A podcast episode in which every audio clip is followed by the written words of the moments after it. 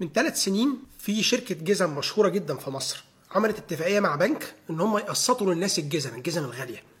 وأنا بصراحة كنت مش مصدق الموضوع ده. يعني إزاي وليه واحد يقسط جزمة؟ يعني إيه اللي ما- ما بلاش يشتريها.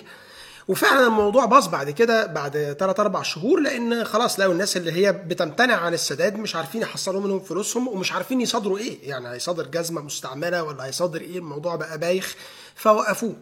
امبارح بقى شفت حاجة أقوى بقى من كده امبارح شفت بنك في مصر عامل إعلان باتفاقية مع سلسلة محلات حلويات مشهورة إن هم يقسطوا كحك العيد للناس على 3 ل 6 شهور والله العظيم زي ما بقول لك كده يقسط كحك العيد من 3 ل 6 شهور والموضوع موجود رسمي موجود على الفيسبوك فبقيت يعني مش مصدق إيه الفكرة؟ إيه الفكرة وإزاي؟ طب طب الراجل ده آه، يعني أول حاجة خالص هيحتاج يجيب جواب من الشركة بتاعته اللي هو بيشتغل فيها إن هو معاه كده. يعني هيروح هناك للاتش ار الموارد البشرية يروح يقول لهم إيه؟ إن الشركة آه بتقول إن الراجل ده مرتبه كذا وإن الشركة هتتكفل بثمن الكيلو الكحك لو هو لو الموظف امتنع عن السداد هل هل هل ده يعقل؟ والضامن هيروح يقول لواحد صاحبه إيه؟ تعالى اضمن لي في كيلو كحك. آه، إزاي؟ طب الراجل ده طيب لو امتنع عن السداد ده رسميا البنك ده لازم يروح يجيب ناس تضربه لحد ما يجيبوا اللي في بطنه لأن حرفيا اللي في بطنه ده بتاعهم بتاعهم هم. وبعدين طب الراجل ده لو في أسوأ الظروف الموضوع باظ وفي الآخر خالص اتسجن هيدخل جوه يقعد مع الناس في الزنزانة هيقول لهم إيه؟ هيقولوا له أنت جاي في إيه؟ واحد يطلع له بمشرط من بقه يقول له أنت جاي في إيه؟ يقول له جاي في كحك. هيفتكروا بيتكلم على نوع مخدرات اسمه الكحك في السوق. مش محدش هيتخيل كده. ولو, في الآخر فهموا فعلا ده هيبقى حفلة الزنزانة.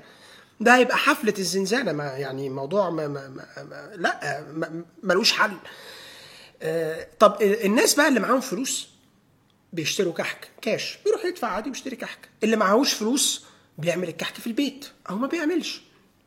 طب مين بقى اللي هيروح يشتري الكحك اللي بالتقسيط ده؟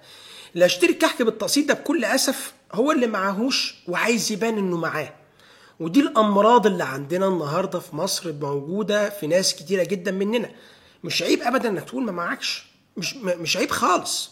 أنا ياما وأنا صغير طلبت من ابويا حاجات وقال لي يا ابني إحنا معناش فلوس دلوقتي هو إحنا كده والناس دي معاهم فلوس أكتر مننا في كذا وإحنا معناش إحنا دي مقدورتنا إحنا كده. آه، أنا اعز صديق ليا آه، كانوا بيجمعوا له في مرة هدية. ده كان اعز واحد ليا أنا اعز صاحب ليا أنا وما كانش معايا فلوس اشارك معاهم قالوا لي يا باز آه، طب مش هتشارك ليه؟ قلت لهم معهوش فلوس؟ قالوا لي طب نسلفك؟ قلت لهم لا.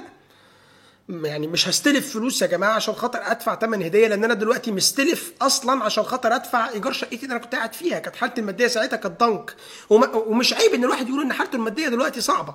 مش هدخل النار أصلي عشان حالتي المادية صعبة. ما هتفك بعد كده إن شاء الله. بس ما بتفكش خالص بقى لما أنا أتداين بقى دين مضاعف عشان خاطر أجيب كحك. ده اللي زي ده عمرها ما هتفك معاه بعد كده.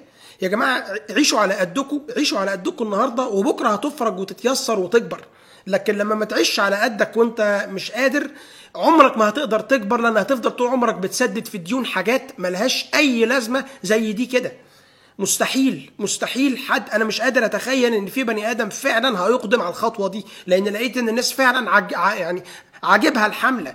ده مش تهريج ده تخلف. أنا آسف. ده تخلف إن واحد يعمل حركة زي دي.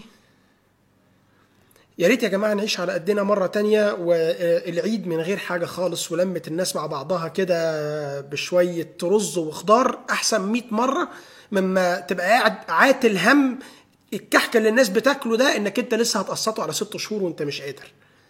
مش كده.